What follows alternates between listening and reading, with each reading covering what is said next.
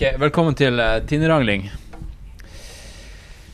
Det her blir spilt inn på bånd, så um, eh, det er jo da sånn at eh, det da blir gitt ut som podkast på Nå er det alvor på Spotify og iTunes og eh, der dere hører på podkaster. Eh, hvis dere ikke abonnerer, gå inn på Spotify nå, trykk eh, 'følg', og så gir dere fem stjerner. Helt seriøst. Um, jo, så da, da må vi på en måte Vi må tenke på lytterne også av podkasten. Så det jeg tenker vi kan gjøre, vi kan sette litt kontekst både for oss sjøl, også for lytterne. Vi kan si at vi er på auditoriet i eh, Norsk Tinnesenter i Åndalsnes. Og eh, dagens eh, gjest, eller intervjuobjekt, det er han Kyrre Østbø, som er rektor ved Norsk fjellfagskole. Så i dag blir det litt sånn uh, historiefortelling og litt sånn demystifisering av uh, tinneveledere og skiveledere, og hvorfor man skal utdanne seg som guide, og hva det innebærer. Høres det bra ut? Det høres, Ja. det høres bra ut. Ja. Så vi prater inn i mikrofoner fordi det går inn i båndopptakeren. uh, ikke fordi at dere skal høre bedre. Så vi, vi skal bare prate høyt og tydelig, og så, så blir det bra underholdning. Og så har jeg en uh, liten mikk her, kobla til en uh, karabiner, som er trådløs. Uh, og da oppfordrer jeg dere til å bare rekke opp hånda, og så prøver vi å få til liksom en sånn her et type um, diskusjonsforum her. Tinne-diskusjonsforum. Så bare rekk opp hånda hvis dere har noen innvendinger eller et eller annet. Så bare sender vi den her rundt. Ok? Da tenker jeg vi bare starter i klassisk podkast-fashion og um, introduserer han eh, Kyrre. Hvem er, hvem er han Kyrre? Jeg heter altså da Kyrre, faktisk. Kyrre, ok. Så. Bare for, Start på nytt. bare for å ta det med en gang. Nei, eh, det var det foreldrene mine kalte meg i hvert fall, så da går jeg for det.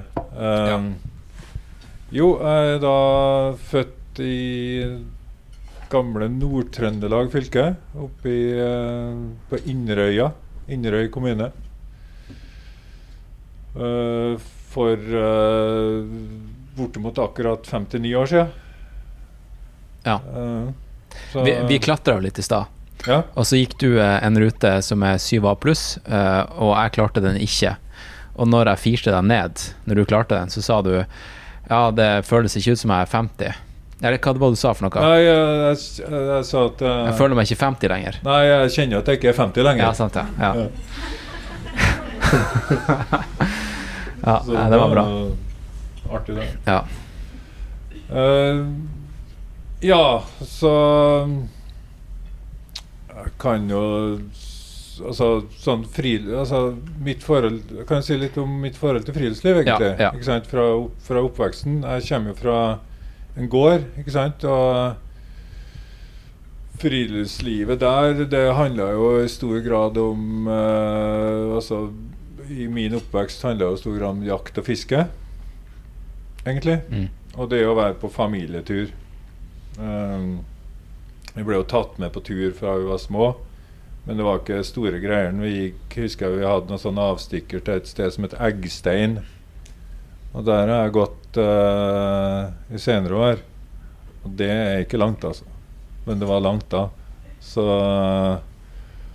Og senere så, så jeg har jo halve slekta mi på Nordmøre, så vi var nedover på i Surnadalen. Uh, det er faktisk en liten sidedal der som heter Østbødalen.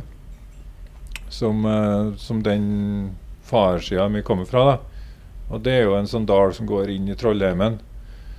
Så det var det som var liksom min på en måte første introduksjon til fjell, egentlig. For Ja. Nord-Trøndelag er det jo ikke det er, det, er jo, du kan, det er ingenting der som du kan kalle fjell, egentlig. Nei. Og så hadde jeg en onkel, inngift onkel som var veldig gira på jakt og fiske. Og han var, var tok med oss, eh, broren min og meg, og søskenbarna mine på, på tur. Fisketur eh, mye. Og eh, han var en av gutta. Han var sikkert sånn rundt 40, tenker jeg, da, på den tida der. Og han var en av gutta. Han var kjempemisunnelig hvis vi fikk en større fisk enn han, f.eks. Så han var sånn Han dissa oss, liksom. Så det var litt sånn hard skole. Ja, ja. Så ja. Men etter hvert, da, så, så Når jeg flytta, så det, Noe av det første jeg gjorde Ikke det første jeg gjorde, var militæret og sånn, men uh, noe av det første jeg gjorde, var at jeg faktisk gikk på folkeskole. Oppe i, eh, i Rauland i Telemark. Sånn friluftslivslinje der. Og det var egentlig første gangen jeg opplevde et miljø der andre var interessert i mye av det samme som meg sjøl. Da, Det var Hvilke liksom- år snakker vi nå? Det var 19. i uh, 84-85. Mm. Mm. Da var jeg vel 20, da. Så da da, da, da Først da så skjønte jeg at friluftsliv er på en måte litt Kan være noe mer enn noe du bare gjør nå og da, egentlig. Og så et, Noen år senere, da, så to-tre år senere, så, så begynte jeg jo på friluftslivslinja i Bø, i Høgskolen i Telemark. En av de første årene det ble arrangert. Og da møtte jeg jo Da så jeg jo at friluftsliv er også en del av akademia, da, på en måte. ikke sant? Altså at du, du kan faktisk studere friluftsliv. Du skjønte at man kunne leve av friluftsliv? doktorgrad i Ja. friluftsliv, liksom. Ja. Uh, da, ja, ikke sant? Da, da skjønte jeg at, eh, at det er noe du kan ta utdanning i og, og drive med. Ja. Og, eh, men det, det gjorde, begynte jeg jo ikke med da. da. Rett etterpå det så var det ledig lærerjobb på Rauma videregående skole. Hadde en avstikker til USA, der jeg jobba som lærer i California. Leirskolelærer der. Og jobba litt oppe i Alaska og sånn. Og når jeg var ferdig med det, så så jeg at det var en ledig lærerjobb her på Rauma videregående skole. Og det Den søkte jeg på, da. For jeg hadde lyst til å flytte hit. Og det har med fjell å gjøre, ikke sant. Så, så fikk jeg den jobben, og så flytta jeg hit. Og, og det var noe det blir på en måte sagt da at eh, om uh, romsdalinger at de er litt sånn tung og treg og vanskelig å komme i kontakt med. Min erfaring fra den gangen var helt annerledes. Altså Det var rett inn i klatremiljøet, rett ut og klatre. Når var det her? Det var i 90. 90, ja. Mm. ja. Eh, Hvordan var miljøet, da? Ja, det var ganske Det var inkluderende og ganske lite. lite et ganske lite miljø, men veldig inkluderende. Veldig gira gjeng. Mm. Så Mjelva Mjelvahammen f.eks. var jo under utvikling da. Ja, hvordan hvordan klatra folk?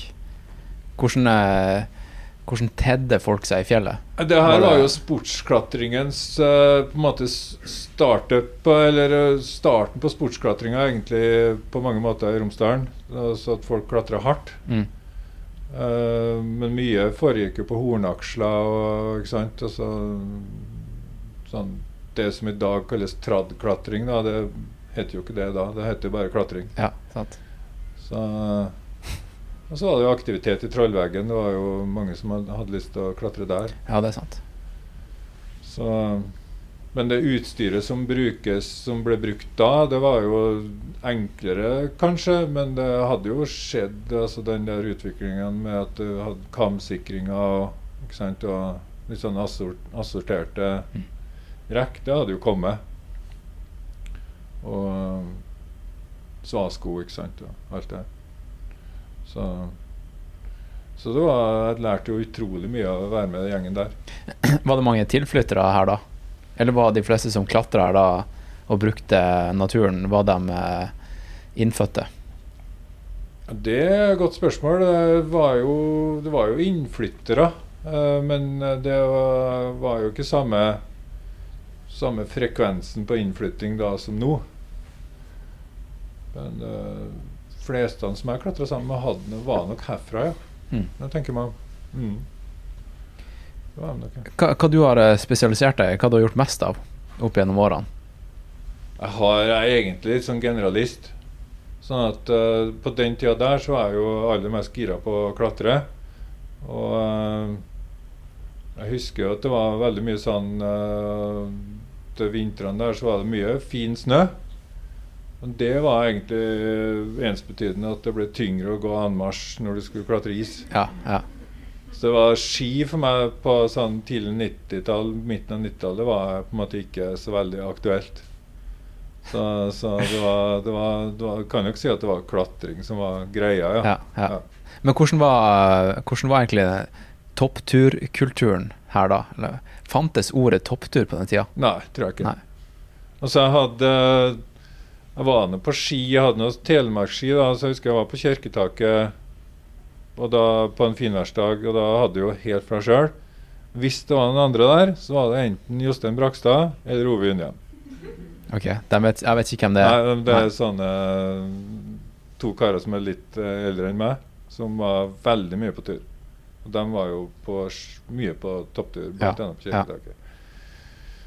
Men det var ikke noe det var ikke toppturmiljø, sånn skimiljø. Det jeg kan huske, i hvert fall det er mulig at noen andre har, har uh, andre kommentarer på det. Men, uh, men det har kommet senere. Det, det begynte å skje mye rundt årtusenskiftet. Altså Folk begynte å få ski med fast hæl. Og, og telemarksskiene ble mer og mer lagt igjen hjemme. Og så fikk folk seg ski med fast hæl og begynte å kjøre brattere og, og sånn. Ja. Så fra ca. årtusenskiftet og fremover så har det jo skjedd enormt mye på det feltet der. da. Mm. Mm. Men uh, ditt uh, utdannelsesforløp, da? Altså sånn uh, Ja, det er jo litt sånn bråget. Jeg har jo jeg har mellomfag historie, og så har jeg mellomfag engelsk. Og så har jeg PED, da. Så har jeg jo friluftsliv og idrett. Og så har jeg noe som heter miljøkunnskap.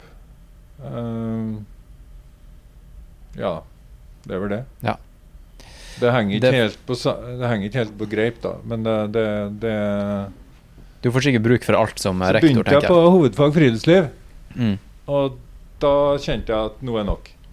Der var jeg i to uker, og så dro jeg. Det, for meg er friluftsliv Jeg syns friluftsliv er litt sånn Det er egentlig ikke en, det er egentlig ikke en veldig sånn spesielt Det er ikke en Det er ikke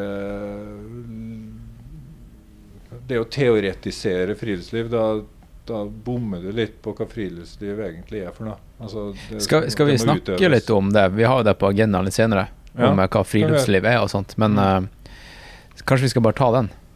Ja, det henger jo sammen med veldig mye annet. Ja. Ja. For hva er friluftsliv? Ja, det er jo forsøkt definert.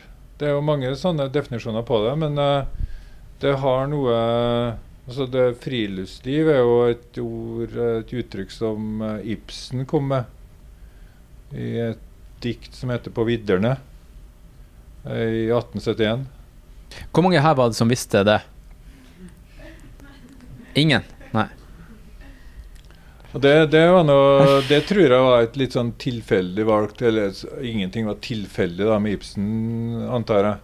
Men, eh, men eh, jeg tror ikke han tenkte på det begrepet som det det har blitt til i dag. Eh, det tror jeg ikke. Og det er også et, et ord, et begrep, som bare finnes i Norge. Det er det, det, det, er ikke oversettelig, egentlig, Nei, det vi men- legger i friluftsliv. Men på amerikanerne har liksom uh, Yeah, I like to be out in the great outdoors. Ja, outdoor life. Ja, ikke sant? Det blir, ja, eller sånn uh, Og britene uh, kaller det mye sports. Ja. Og det dekker både det vi kaller friluftsliv, og det dekker også sportsfiske og jakt, egentlig. Hva, hva sier de i Sverige, Pontus? Er. De sier friluftsliv, men det har ikke Ja. samme på en måte assosiasjoner. Ikke, ikke nøyaktig. Nei. Ja, er Ah, men det er interessant. Ja. Men, er men, tror du at kanskje svensker eh, prøver å importere mest mulig altså, av, av det vi nordmenn assosierer med friluftsliv? Ja, ok. Nej, men friluftsliv kanske lite mer gå ut med familjen då, och, och ta seg en tur med lite pølse i, eh, i sekken. da. Eller i hvert fall det at Ja. vi skal liksom uppleva friluftsliv. Liksom. Det er herming, liksom. Pølsesekken Mm. och bröd och lite ketchup liksom. Og, ut friluftsliv liksom. Ikke å stå bratt på ski liksom. Nej, Mm. Det er det är Nei, for frilufts, friluftsliv har jo noe med det her eh, altså, Det er mye ferdsel i naturen, ikke sant? men en god del av ferdselen i naturen er jo motorisert, for det første.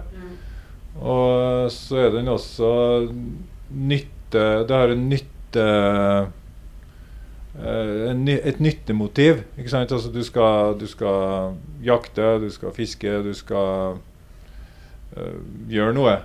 Oppnå noe. Som, som, mens friluftsliv det er på en måte ferdsel i naturen for ferdselens egen del. Gjerne på en naturvennlig måte. Eller ja, på en naturvennlig måte. Så det blir på en måte litt sånn kjernen, kjernen til friluftslivet. Ferdsel på naturens premisser for å være ute. Ja, men, men var det med på en måte i definisjonen til Ibsen, eller tror du han Nei, hva, jeg hva, tror var hva var hans uh, intensjon med det Ja, ordet? hva, altså, diktet, da, det er jo uh, I den øde seterstue, all min rike fangst jeg sanker. Her er krakk og her er grue, friluftsliv for mine tanker.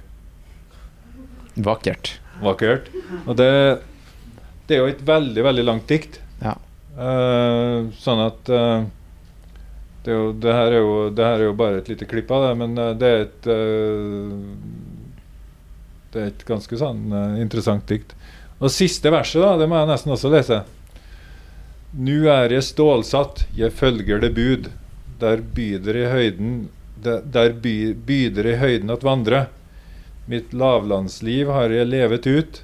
Her oppe på vidderne er frihet og Gud. Og der nede famler de andre. Mm. Det er elitistisk. Det er det, altså. Men eh, hvor, hvor mye benytta Ibsen seg av naturen? Det vet jeg sannelig ikke. Hvor mye han var på tur, faktisk. Nei. Jeg har jo sett bilder sånn, Han var jo mye i Oslo, tror jeg. Men det betyr jo ikke at han ikke var ute i Nordmarka, f.eks. Um, så det, jeg kjenner ikke Ibsens meritter sånn sett, faktisk. Nei. godt spørsmål. Men, men eh, vi har på en måte Altså, hvor, hvor lenge er det siden han skrev det diktet? det var i 1871. Ja, sant? Mm. Ja, så vi har på en måte bare slengt på masse Masse assosiasjoner med ordet friluftsliv. Ja, jeg tror og, det. og da blir det en hel industri. Jeg tror det. Mm. Så, så um, Så har du jo ikke sant, du har jo, du har jo noe som kalles for det Du har en norsk friluftslivstradisjon. Og så har du en alpin friluftslivstradisjon. Og, og eh, Norsk fjellfagskole og Nordtind eh, er jo eh, Vi er jo Altså Tindveledere er jo, er jo sterkt knytta til den alpine friluftslivstradisjonen. Men også for så vidt den nordiske til, i, i, til en viss grad. Men det er jo den alpine friluftslivstradisjonen som vi som vi eh, hører til. Ka- Kanskje vi skal dra det litt tilbake, da. Fordi at eh, Når begynte folk å ferdes eh, i naturen og til fjells? Eh, Som et overskuddsprosjekt? Ja, ikke sant? Altså, folk har jo alltid ferdes i naturen. Altså, du, det er jo, eh, du finner jo spor etter Uh, nordmenn uh, sant, i fjellene her fra tusenvis av år tilbake. Så det, det er jo tydelig at det har vært fjellfolk før oss. Men de gikk jo ikke tur. Nettopp. Ikke sant? At de var jo i fjellet for å Det var sanking. fangste, ikke sant. Og, og, og, og det var en del av, del av næringsutkommet. Så Så det, det er vanlig altså Når en skal, når, når skal liksom eh, snakke om historie, så, så er du nødt til å gjøre noen uh, valg. Du er nødt til å korte det ned. Skal du fortelle hele historien, så tar jo det like lang tid som historien. Det er jo komplekst. Godt poeng. Ikke sant? Mm. Sånn at, sånn at det, det får du ikke gjort. Og dessuten så, så når vi sitter i dag og ser tilbake på historien fra på 1700-tallet, 1800-tallet, ikke sant, så gjør vi jo vår tolkning av det. Så, så vi har jo en periode på, som starter på slutten av 1700-tallet og går fremover 1800-tallet, som heter romantikken. Og jeg er ikke så sikker på om dem som levde i romantikken, var klar over at de levde i romantikken. Jeg har en sterk formening om at det er noe som er kommet på seinere. Um, men det som skjedde da, i hvert fall i Europa og Nord-Amerika på den tida, var jo at du fikk en industrialisering. Um, folk uh, flytta fra det livet de hadde på landsbygda, gjerne inn til byene og jobba i fabrikk. Og uh, da fikk du også da en ny samfunnsklasse som vi kaller for borgerskapet. Det var et visst borgerskap før det òg, under merkantilismen. Der kongen på en måte utpekte hvem som hadde lov til å drive med handel, og en viss, viss industri. Men det var, det var, det var et, et, et, type tildeling av uh, rettigheter fra kongen. Altså det var, ikke, det, var ikke, det, var den, det, var ikke, den, næringsdriften som vi kjenner i dag, som, som vokste fram da, under den industrielle revolusjonen. Så vi fikk eh, på en måte nytt sett med, med rike mennesker? Ja, ikke sant? Da, som ikke eksisterte før? Nettopp. Ja. Og det ble flere av dem. Mm. ikke sant? Så, da, da, så den kombinasjonen der, tenker jeg det her er ikke noe jeg har kommet på, det her er jo noe som, uh, som uh, er sagt mange ganger. Men uh, altså, den, den, kombinasjonen der med at du fikk urbanisering og økt velstand i en relativt stor gruppe, gjorde at det å bo i en Ser for oss, ikke sant, fab, fabrikkpipene fra, fra fra industriens barndom med, med masse røyk og, og, ganske dårlige leveforhold da, i byene, uh, gjorde at folk fikk et behov for å komme seg ut av byen. Er det ikke nesten uh, litt det samme vi ser nå, da? Jo, det kan Med godt folk som bare er på telefonene sine og spiller Fortnite. Hva er, hva er altså det, det, det, er jo et interessant, interessant tankeeksperiment, det. ikke sant? Altså, hva, er det, hva vil folk si om vår tid? om 100 år. Kanskje, vi, kanskje, kanskje, den heter noe som vi ikke vet i det hele tatt. Altså, sannsynligvis. Uh, vi er ikke klar over at ja, vi lever den tida. For den tida. heter jo et eller annet. Det heter jo et eller annet, ja. sikkert. Men vi vet ikke. Og jeg tror ikke folk på slutten av 1700-tallet og framover 1800-tallet visste at de levde i romantikken og i den industrielle revolusjonen. Det tror jeg ikke. Nei. Jeg tror ikke de var så Jeg føler, føler, på en måte at internett er det som definerer vår tidsalder. da. Det kan godt hende. At det skjedde. Ja. Når du har det chattegreier nå, chat-GBT og det er sant, mm. som genererer tekster bare du stiller noen spørsmål, det tenker jeg det kan jo prege framtida. Den type teknologi vil jo prege framtida vår. Og preger jo nåtida. Men det som prega den industrielle revolusjonen, i hvert fall på kontinentet ikke sant? Noe Tyskland, kanskje Tsjekkia var tidlig ute. England var tidlig ute med, med urbanisering og industrialisering. Um, og samtidig, da og, og, og, derfor tror jeg så fikk, du, så fikk du en retning i kunsten som kalles for romantikken. Altså folk lengta på en måte tilbake til det mer enkle livet og, og tilbake til naturen. Rousseau sa jo 'tilbake til naturen', ikke sant? Altså, så det ble en uh, Det ble en uh, leng, På en måte en lengsel da, til å komme tilbake til det opprinnelige, det enkle. Og da, da, da dro jo gjerne folk til, til fjells. Uh, Rike folk dro til fjells. Ja, ikke sant. Ja. Altså, velstående folk som hadde muligheten til å gjøre det, dro, dro til fjells. Gjerne til Alpene. I tillegg så var det jo en del Kunsten også var jo inne i romantikken. ikke sant? De store landskapsmaleriene og sånn, ikke sant? Som, som portretterte de det her flotte, flotte fjellandskapet. Uh, som Husk på, det her var jo før uh, internett og før uh, TV og før noe som helst. sånn at bildene på den tida var jo faktisk maleri. Du, hadde ikke, ja, du kunne du ikke printe opp et nytt eksemplar av maleriet. Du hadde jo ikke foto noe som helst. Sånn at, sånn at det, det, er ikke en usannsynlig tanke at en del av landskapsmaleriene faktisk var datidas reklameplakat for fjellet. Ikke sant? Sånn at uh, mm. så på det her flotte bildene og tenkte her må jeg sjekke ut. Og så dro de. Fleska de på? Det, Eller, du- eller var det liksom én til én? Hvis du ser på noe av de maleriene, så har de fleska på. Ja. Ja. de, de dro jo på litt. Men jeg, jeg tror det var en sånn medvirkende årsak til at folk dro. Altså, du, fikk sånn, du fikk jo en sånn romantisering av folk som bodde i de områdene her. Som bodde Som, som uh, levde av og med natur.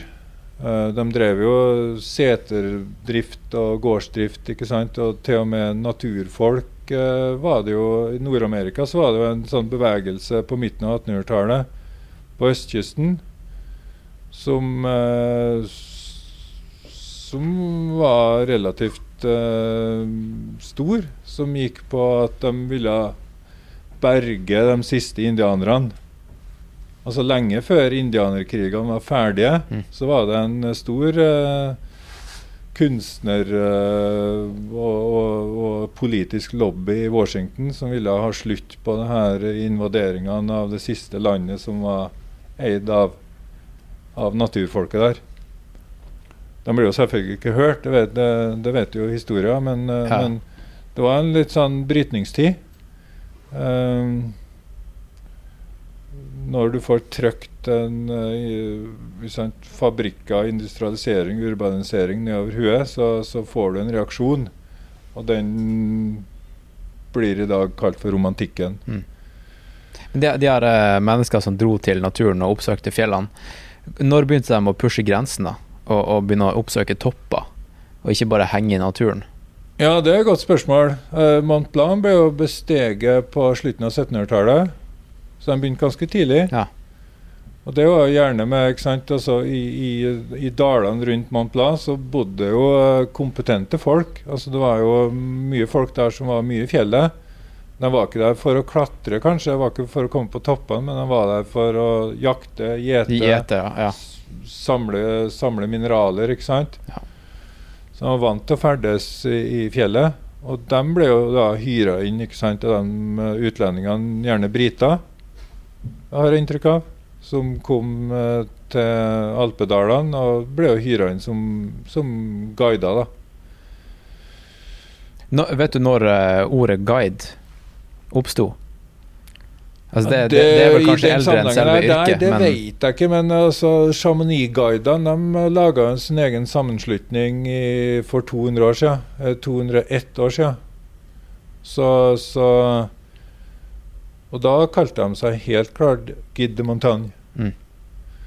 Um, så det, det skjedde nok før det.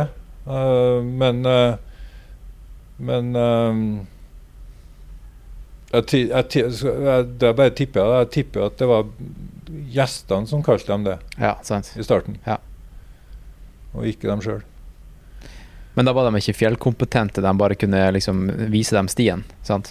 Ja, de var fjellkompetente, ikke sant? men altså, etter hvert så ble jo, så ble jo guidene også mer kompetente. Og, og, og gjestene også mer kompetente. Sånn at uh, Matterhorn ble jo besteget ved hjelp av uh, guider i ja, var det 1865. Uh, og det er jo en krevende eh, klatretur. Ja. Med, I hvert fall med datidas utstyr.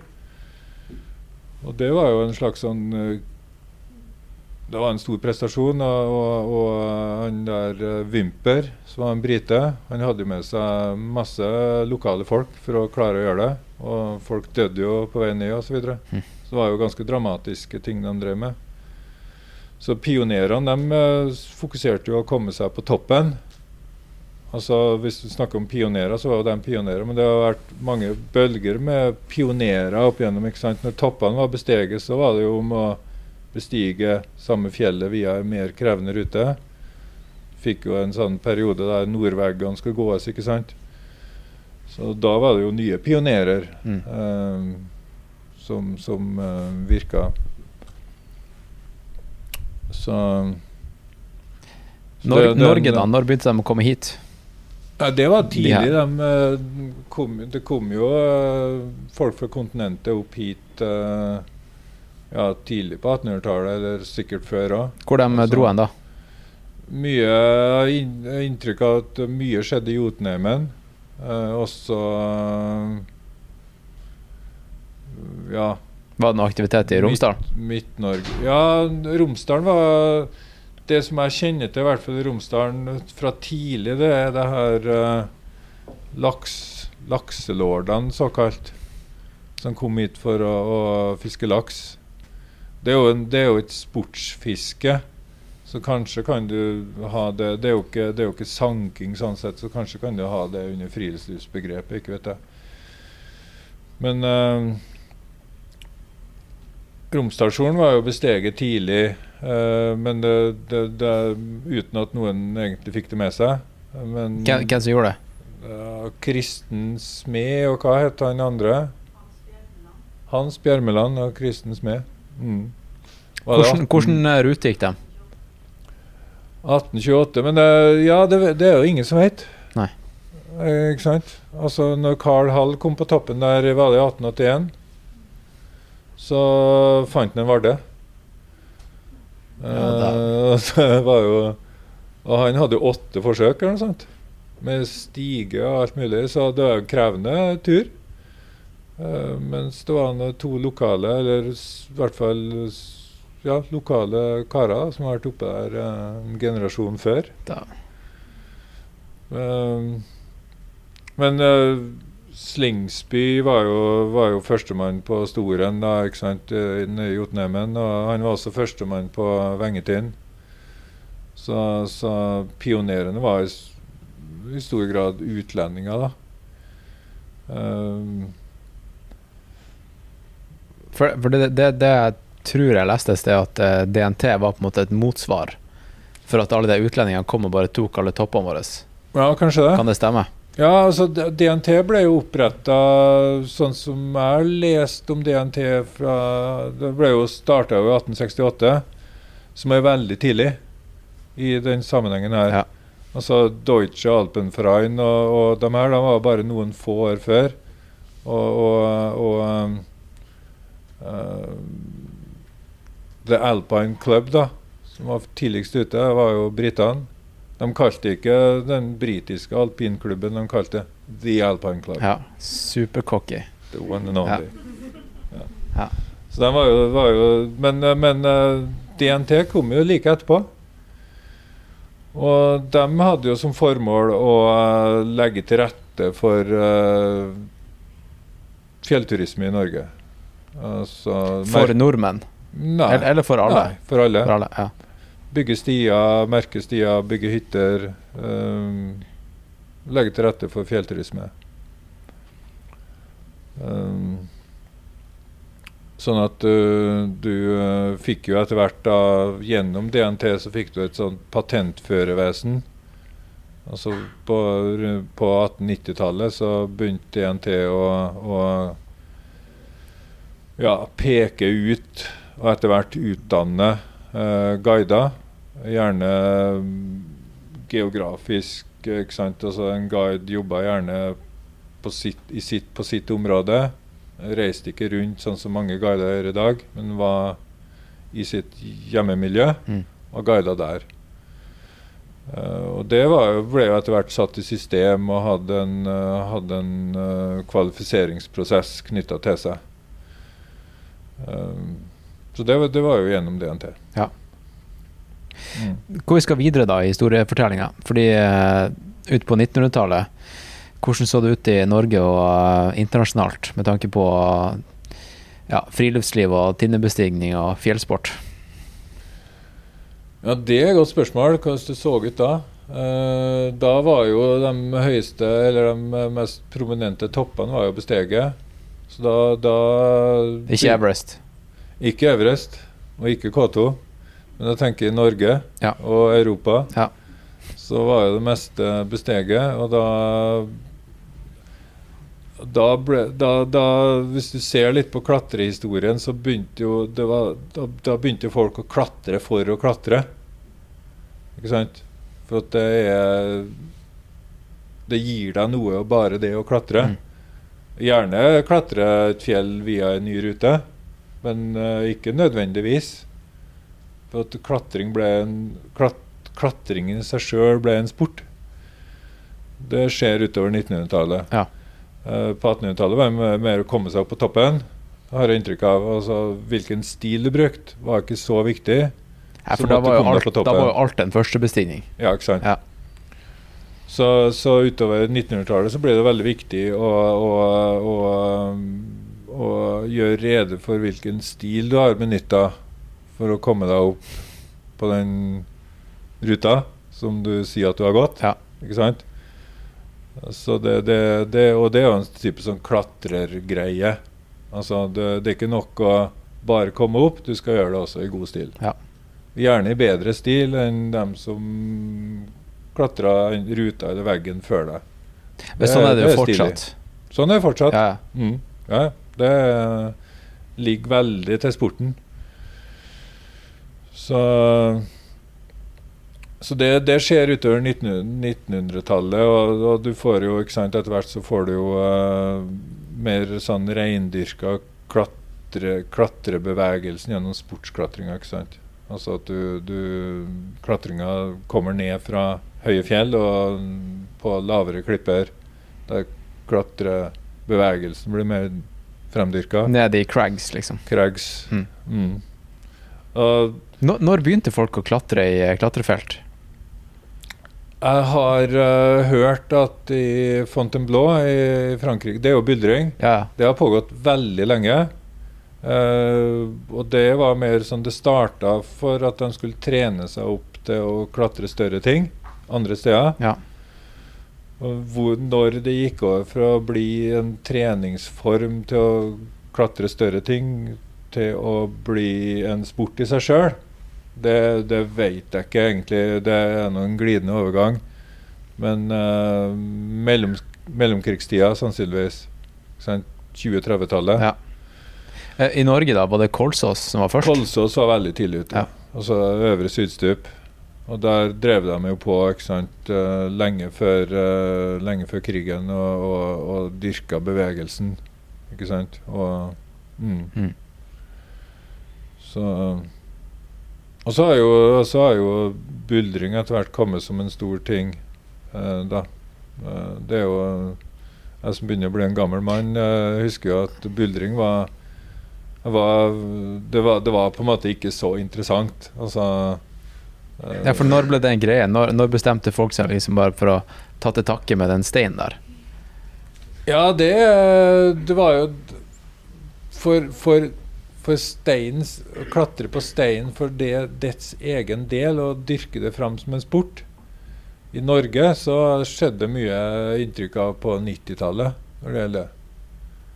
Da husker jeg vi drev det var, det var en sånn samling av uh, internasjonale, delvis storheter oppå, oppå Skiri. Uh, slutten av 90-tallet, var det ikke Halvor? Ja. Mm. Og det var jo, ikke sant, vi har jo På Mjelva så har vi jo stein med stor S, som folk eh, klatra mye på før det. Men buldring som en litt sånn større sport, det, det er ikke noe gammelt. Jeg var jo, jeg husker jeg var på tur i USA, og da, da slo vi opp telta mellom noen så store steiner som, som senere ble veldig kjent, egentlig. Men vi klatra ikke på dem. Dere så ikke på dem som Nei.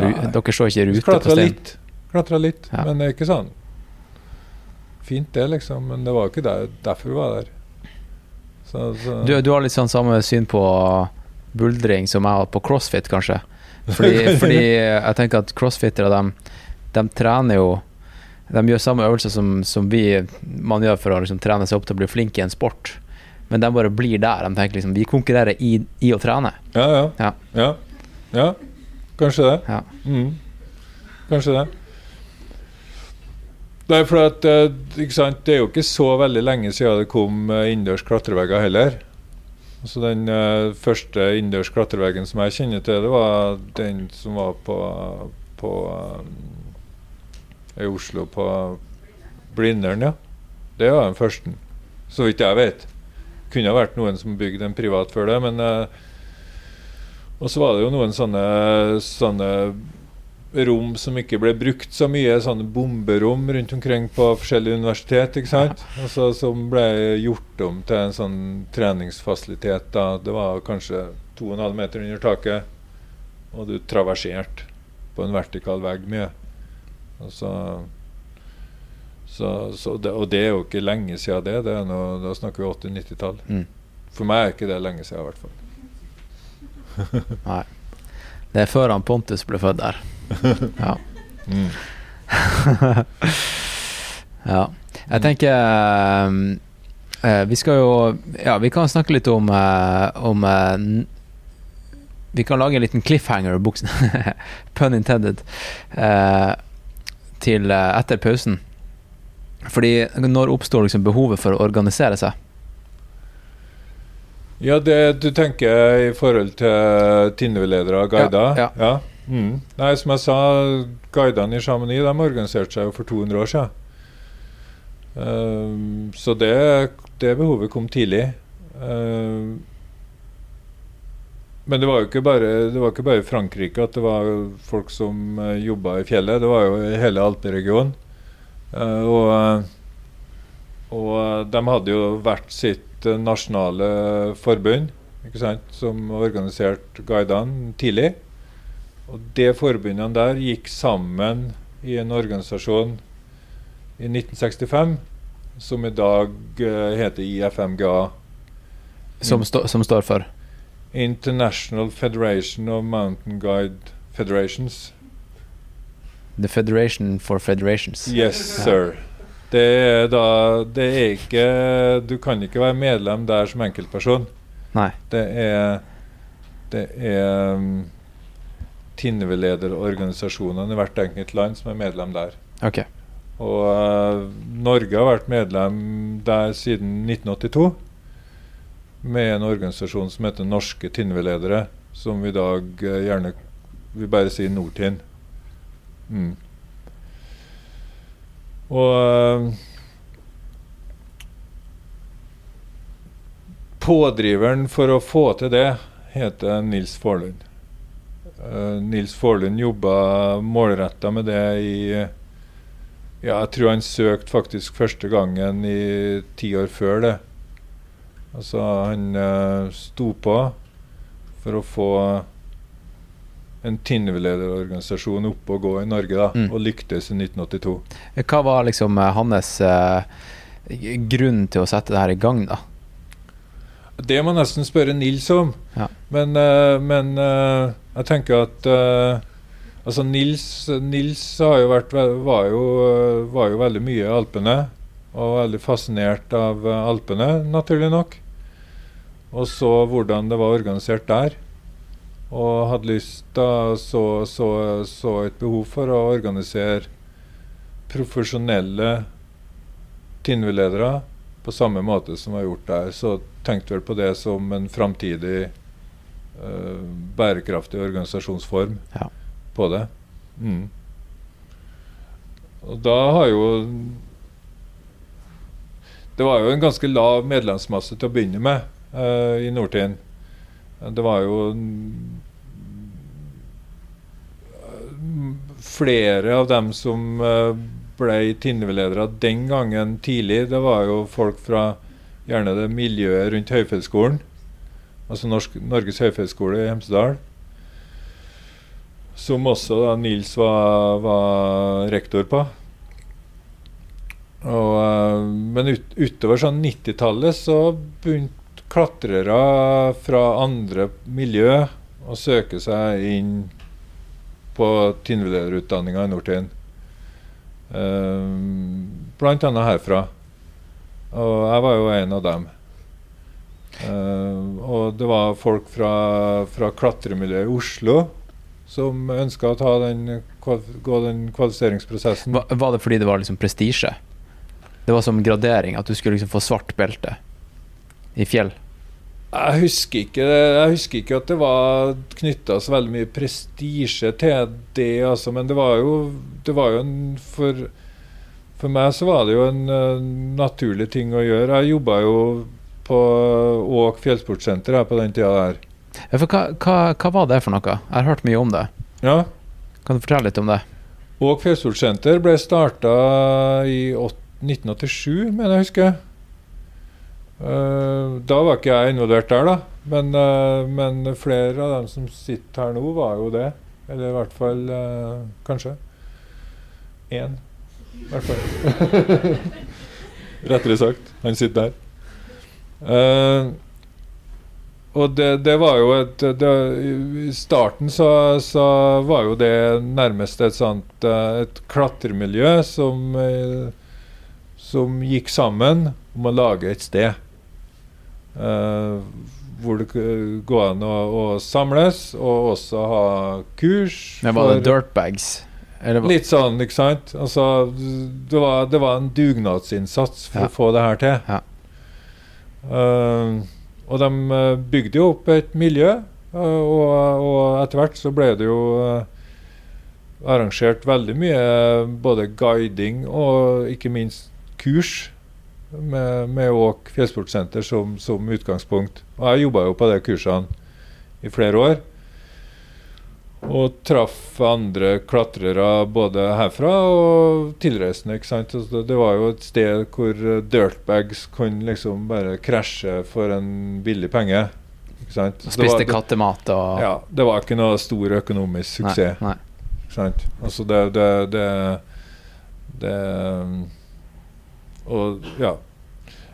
Men, men Åk begynte jo også da samtidig, egentlig, eller ganske Eller veldig tidlig i, norsk, i, i, i europeisk sammenheng med tilkomstteknikk. Altså de her samme folkene, da, ikke sant, dirtbagsene, de var jo flinke til å klatre og flinke til å vurdere risiko.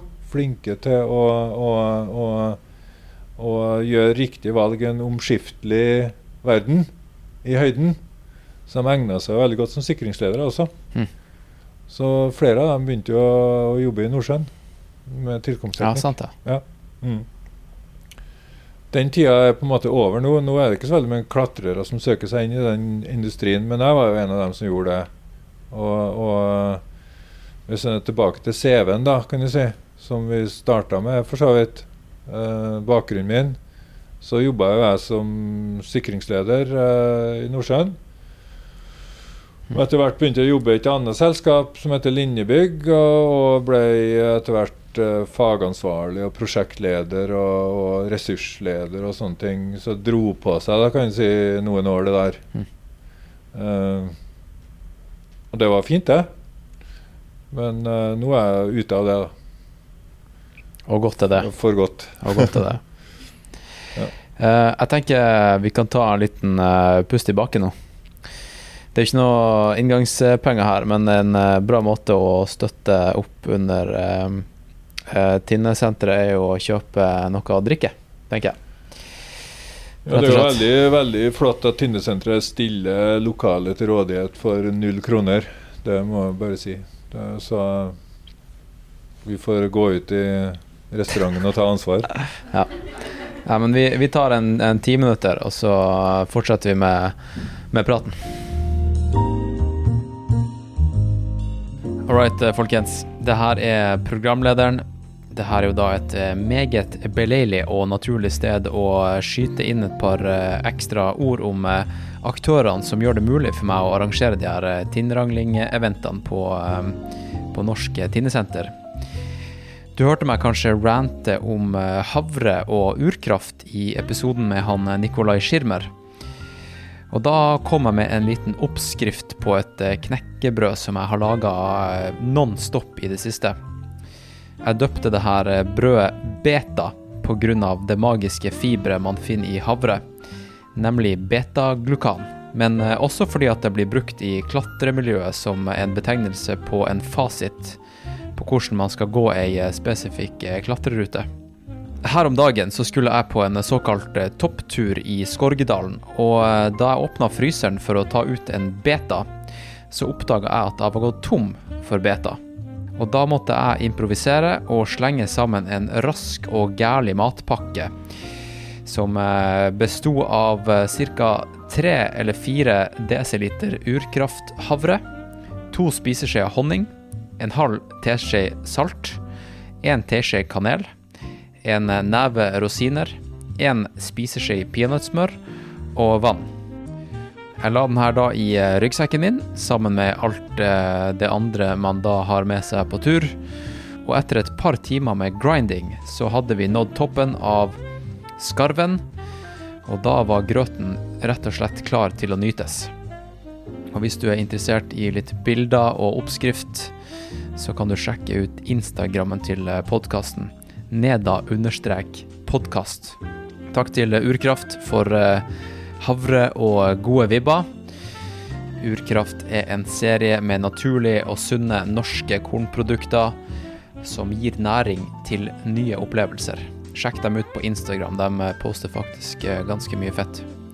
Og nå har de faktisk lansert en granola og en havredrikk. Sjekk dem ut, altså. Tinnerangling er også sponsa av tidenes spesialistsjappe for oss som holder på med bratt eh, friluftsliv. Jeg jobber på Piterak eh, i Åndalsnes ca. én dag i uka. Det bruker å være på fredager, så hvis du har lyst til å hilse på, så er det en gyllen anledning. Hvis du er i området. Og på Piterak så møter jeg på kunder som eh, trenger utstyr til å gå til Sydpolen, krysse Grønland, klatre en heftig foss i Romsdalen, løpe UTMB, kjøre Fivaruta på ski, men eh, også helt random turister som rett og slett bare trenger et par eh, varme hansker til en spasertur opp til eh, rampestreken.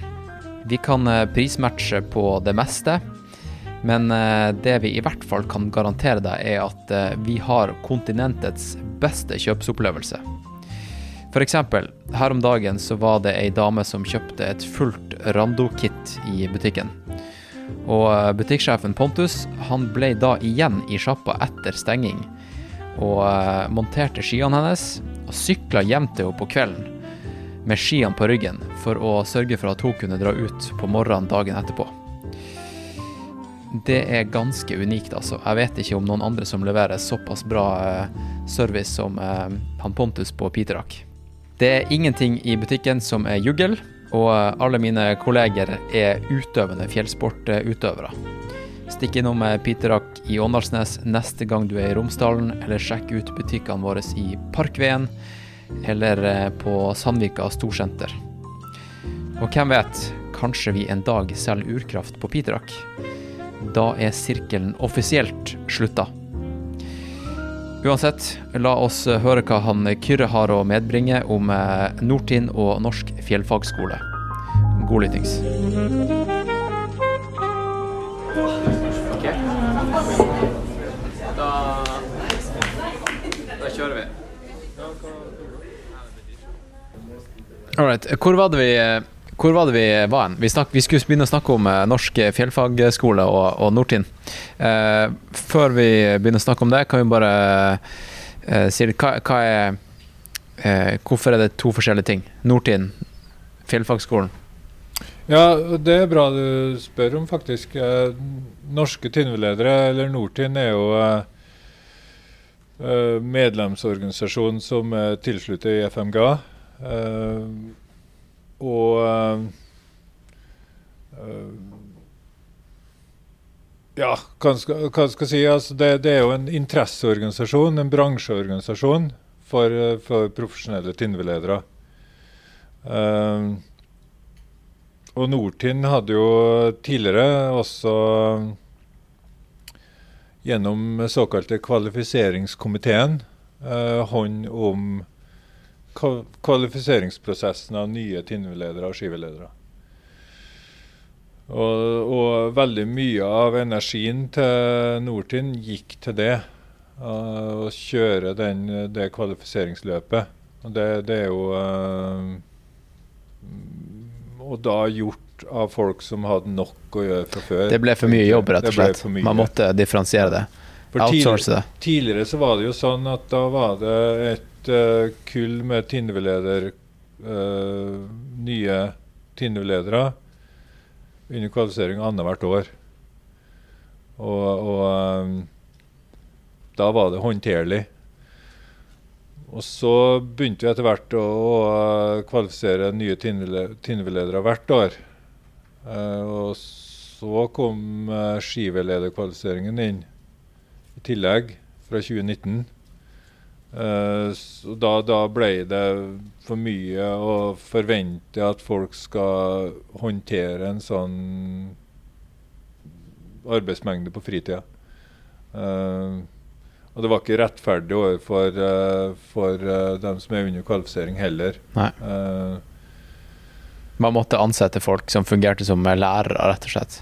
nei, det er ikke gjort. Altså, det er fremdeles sånn at det er TINV-ledere i, i systemet, altså ferdig utdanna TINV-ledere, som, som driver kursene i felt. Men uh, organiseringa er lagt til uh, Norsk fjellfagskole. Sånn at uh, i, Jeg kan vise en slide her da, som, som kan være support til det jeg sier. Gjør det. Gjør det. Ja.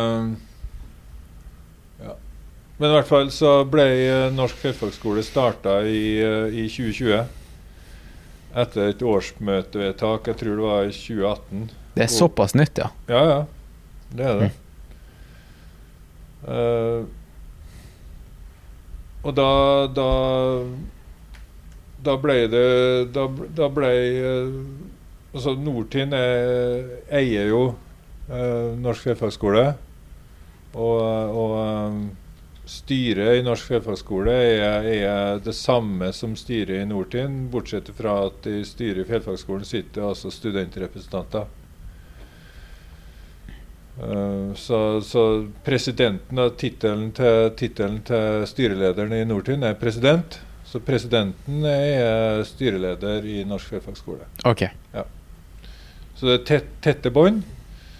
Uh, men det frigjør en del uh, energi, da, eller frigjøre en del kapasitet hos, uh, hos Nordtun til å drive og jobbe mer politisk. Altså jobbe i hvert fall med andre ting enn bare kvalifisering.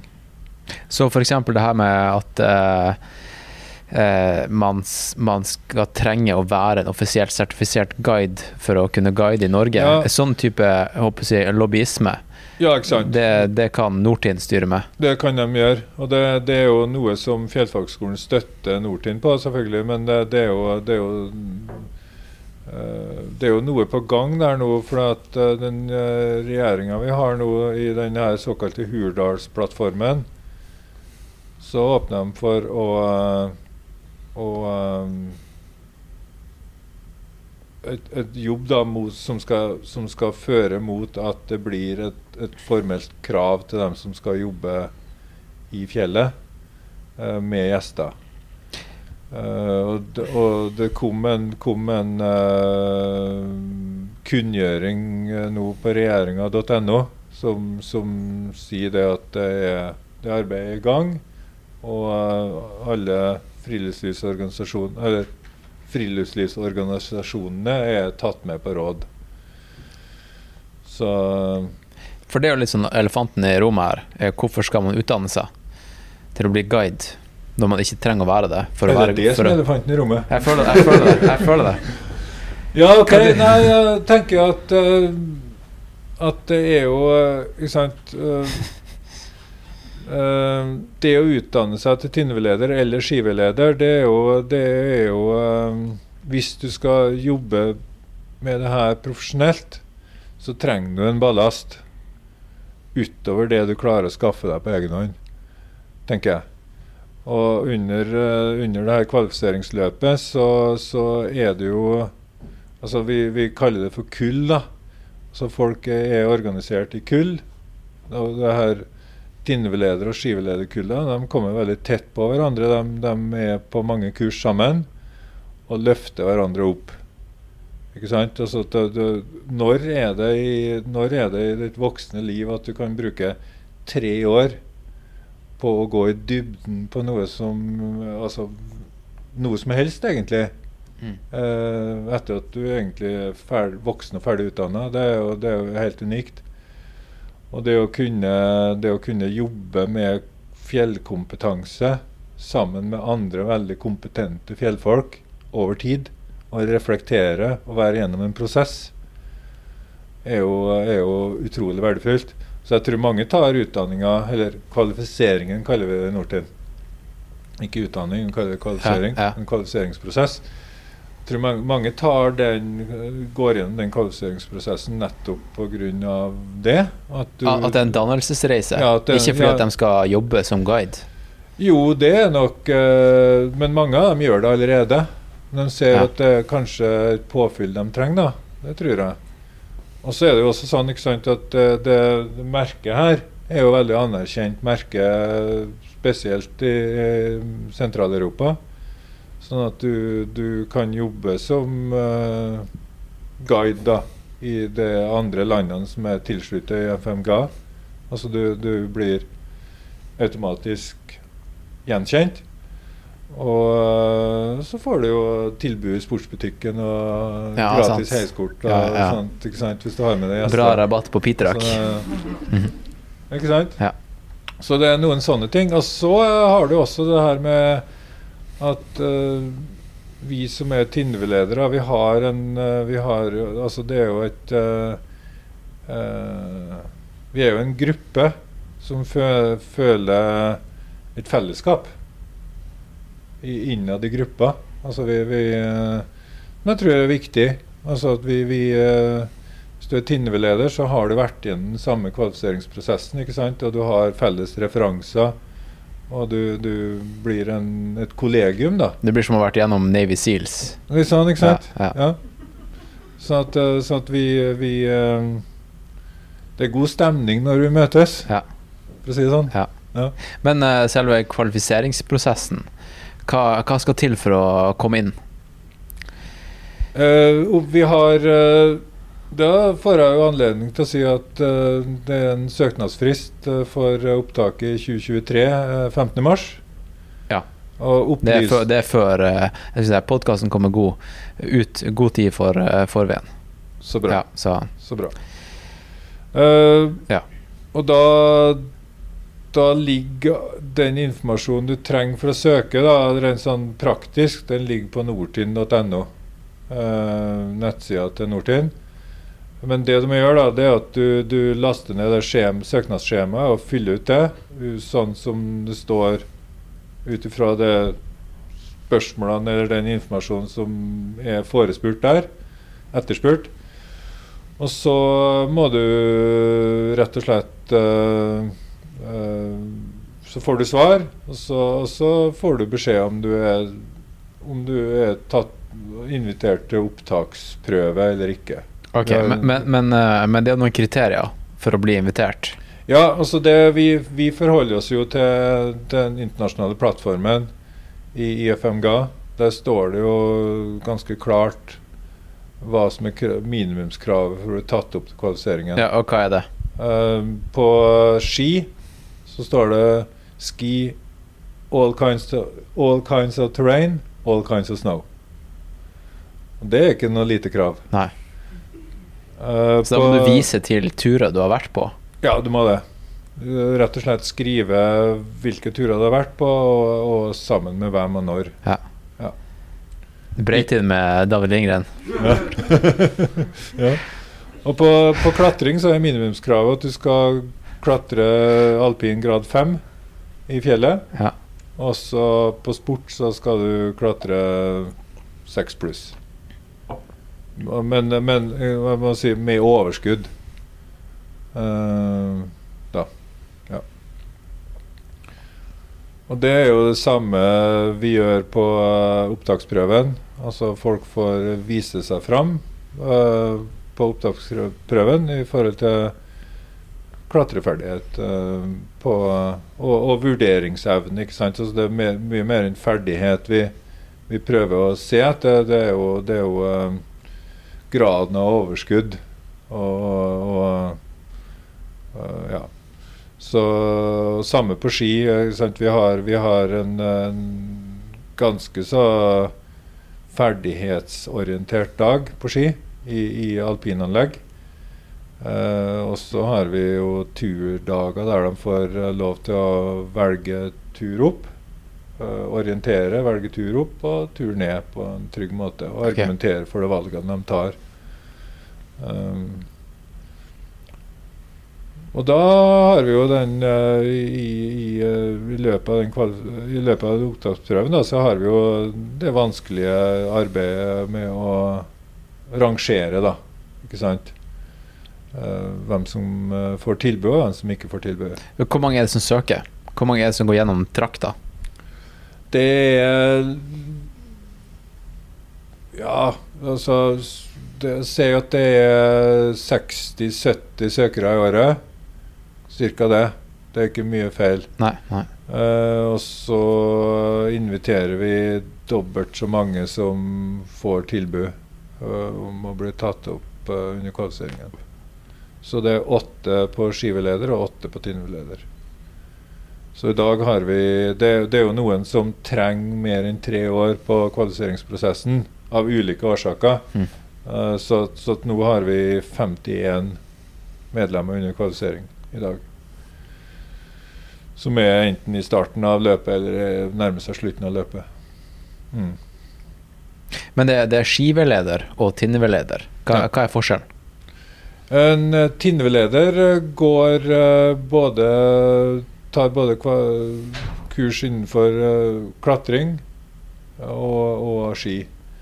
Mens en skiveleder eh, er kun på ski og skirelaterte ting. Mm. Pluss at begge har en, en, en sånn felles bolk. Jeg kan egentlig vise det her løpet her på skjerm for dem som er her. Skal vi se Ja, og Hvis det er dødtid, så bare klipper jeg det bort, sant? så det er ikke noe stress. For dem som eh, hører på. Her ser dere uh, kanskje ikke, nei. Uh, no reaction.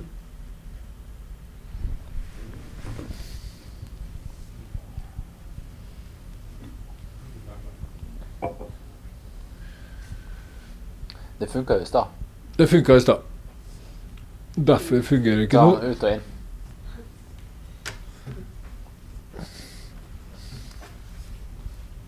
Ja, da skjer det noe her. Der, Det er ikke så dum, du. Jeg dro det opp et uh, gigantisk eh, Excel-ark.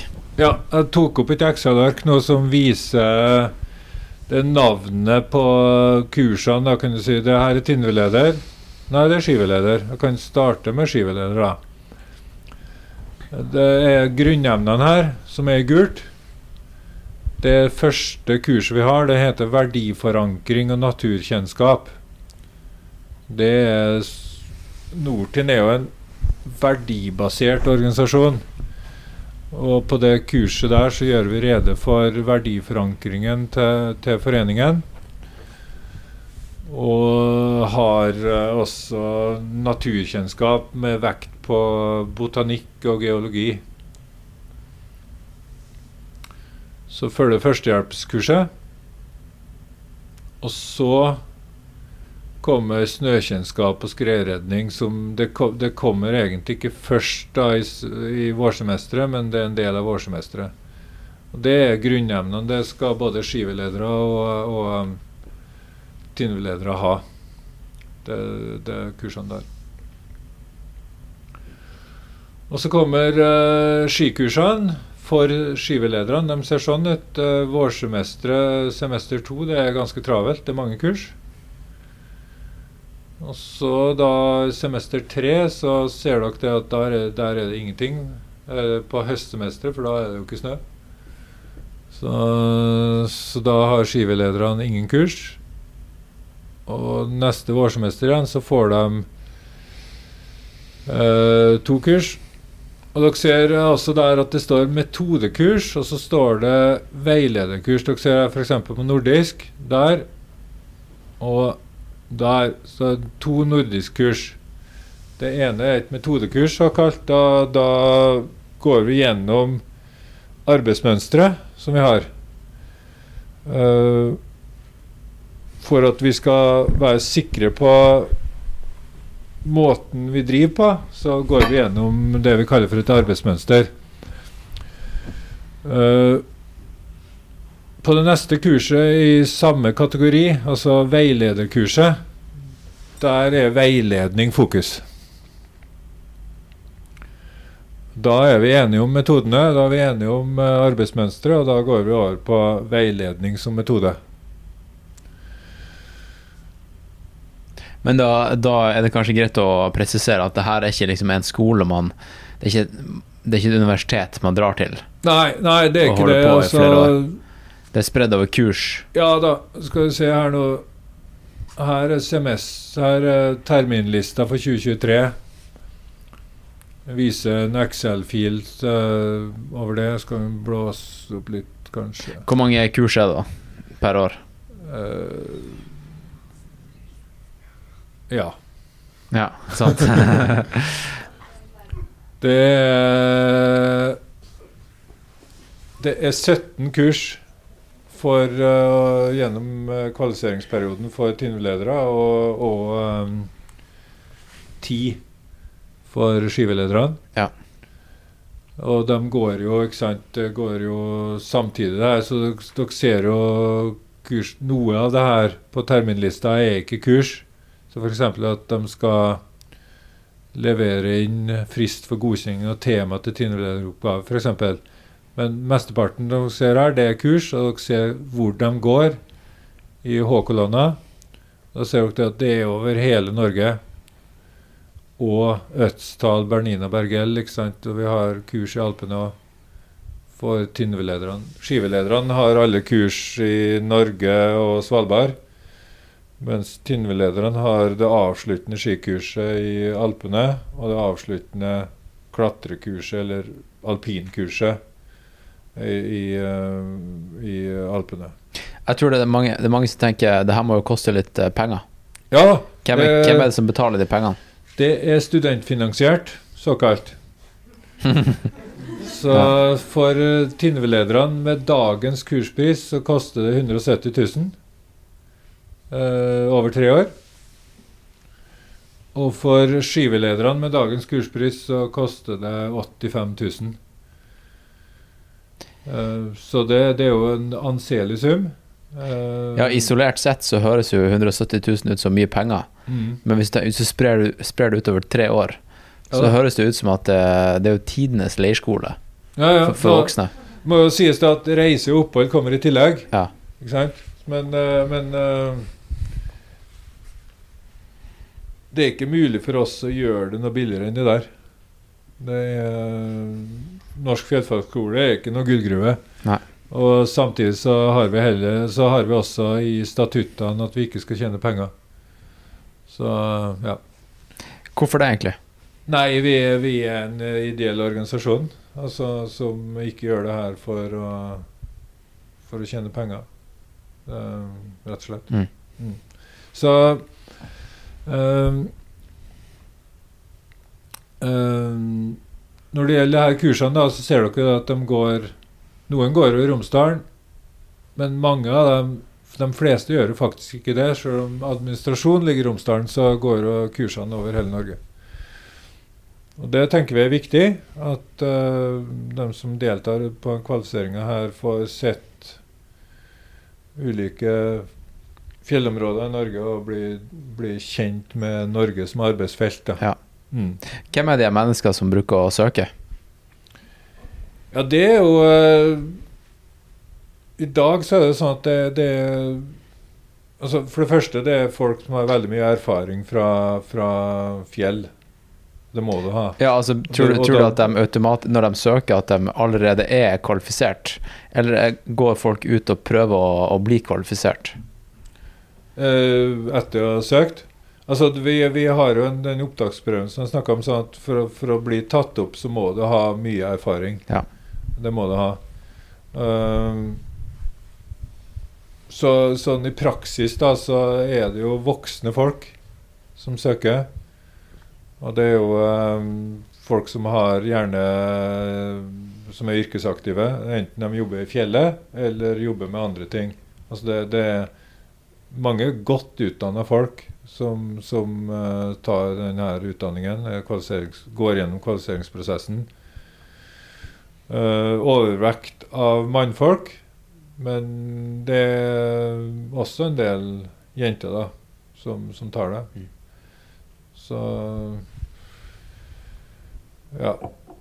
Men fellesnevneren for dem er jo, er jo at de har mye erfaring fra, fra fjellet. Ikke sant? Ja. Mm. Ja, selvfølgelig. Man må, man må jo ha en passion Folk fra hele. Norge. Ja, Mm. Ja. all right. Mm. Uh, jo, uh, jeg skal arrangere et, uh, en løpecamp i september Ja. og, um, i, i Isfjorden. Og jeg er jo ikke utdanna guide. Jeg har jo ikke tatt den. Nordtind-utdanninga. Hva, hva må jeg tenke på? Altså siden det Jeg har jo lov til å gjøre det, ja da. men eh, er det noen fallgruve? Som arrangør så må du jo ha et forhold til Altså hvis du, du skal arrangere noe og ta betalt for det, ikke sant? Ja, sant. Det en, det er en, eh, Ja, det er 20, en 20 mennesker. Ja. Så da, da opererer du jo da da, da er det et arrangement som, som er på en måte profesjonelt, da. Ja. Ikke sant? Meget. Ikke sant? Riktig. Og da, da må du forholde deg til regelverket på området. Og, og det du må se på da, det er jo denne her eh, pro produktkontrolloven og internkontrollforskriften. Det finnes ingen uh, guideproduktlov. Nei. Nei. Det gjør ikke det. det Du må det- tyde loven. Ja, du må, du Ja. må tolke Skikk- regelverket ja. på området. Da, og, og i det her uh, regelverket her da, så står det jo det at du skal ha en uh, Altså at du, du har ulike plikter, da. Altså du, du, det er ting som du må tenke på, altså, du må dokumentere uh, noe av det. Altså, den aktsomhetsplikten, f.eks. Altså du skal vise en aktsomhet i det du arrangerer, på linje med det du ellers vil gjøre i, i livet. Altså aktsomhet. Og så har du en kunnskapsplikt, og det går på kompetanse. Altså du skal, du skal ha nok kompetanse til å arrangere det du skal, det løpecampen, og også dem du eventuelt leier inn eller samarbeider med, skal også ha den kompetansen. Det høres ut som et eh, regelverk for å kunne unngå svindel. Ja, kanskje det er det. Ja. Ja, det er mulig at det er sånn det er tenkt. Jeg tenker at det går mer på sikkerhet, da. ja, jeg tenker svindel. Ja, ok. Ja. Ja. ja. Nei, da er det interessant. Ja, ja. Nei, det, det, er jo, eh, det er jo også eh, mulig at det er tenkt der. Eh, Men du har også en opplysningsplikt. Du skal opplyse dine deltakere om hva det her er for noe. Og de skal ha mulighet til å eh, stille spørsmål ikke sant? og få svar på hvilket arrangement det her er. Og, og hvilke farer som uh, følger med arrangementet, og hvilke farer som er sant, Noen farer, farer er åpenbare. Altså hvis du springer veldig fort ned bakken og uh, snubler, så så skjønner jo folk som driver med fjelløping at det ikke er bra. Nei, nei. Eller hvis jeg drar en gjeng fra Oslo som eh, bare er vant til å springe i marka der, Ja. over Vengetinstraversen uten tau, liksom. Ikke sant? Altså da, da Hva blir konsekvensene hvis, eh, hvis alt går Altså, selvfølgelig, hvis det hvis det er noen som tryner der, så er det jo fatalt, men eh, Ja, jeg tenker at hvis du arrangerer noe så såpass eh, eksponert eh, som det, eh, og tar betalt for det, og det skjer noe, så kan det jo komme en situasjon der det blir stilt spørsmålstegn ved arrangementet ditt i rettsvesenet. Og da vil jo, da vil jo eh, retten sannsynligvis eh, engasjere vitner, da, ikke sant? Eller, eller fagfolk som skal uttale seg om din kompetanse. de ringer der, rett og slett.